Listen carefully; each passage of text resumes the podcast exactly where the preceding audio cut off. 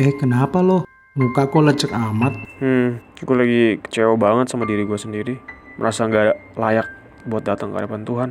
Buru-buru mau pelayanan, baca Alkitab sering bolong, doa juga jarang. Kayak nggak ada kekuatan gitu buat jadi rohani. Sering inget masa-masa dulu gue menggebu-gebu cinta Tuhan. Malu lihat gue yang sekarang. Oh, sob, gue juga pernah kok ada di situasi kayak lu gini. Tahu nggak sih, apa yang kita alami juga pernah dialami sama Rasul Paulus loh. Karena kita ini sama-sama manusia.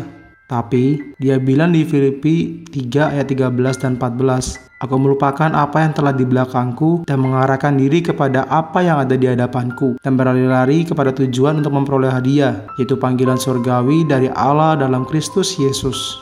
Kehidupan Kristiani kita itu sama seperti perlombaan lari. Martin Luther King Jr. juga pernah bilang, kalau lu nggak bisa terbang, ya lu lari. Kalau lu nggak bisa lari, ya lu jalan. Apa pun yang lu lakuin, lu harus tetap maju. Gak apa-apa kok jatuh. Tapi kalau karena lu jatuh, terus lu diem dan berhenti gitu aja, sob, lu adalah orang yang kalah. Nah terus yang perlu lu dan gue lakuin adalah bangkit. Kita bangkit sob dan lari lagi untuk menyelesaikan perlombaan hari itu.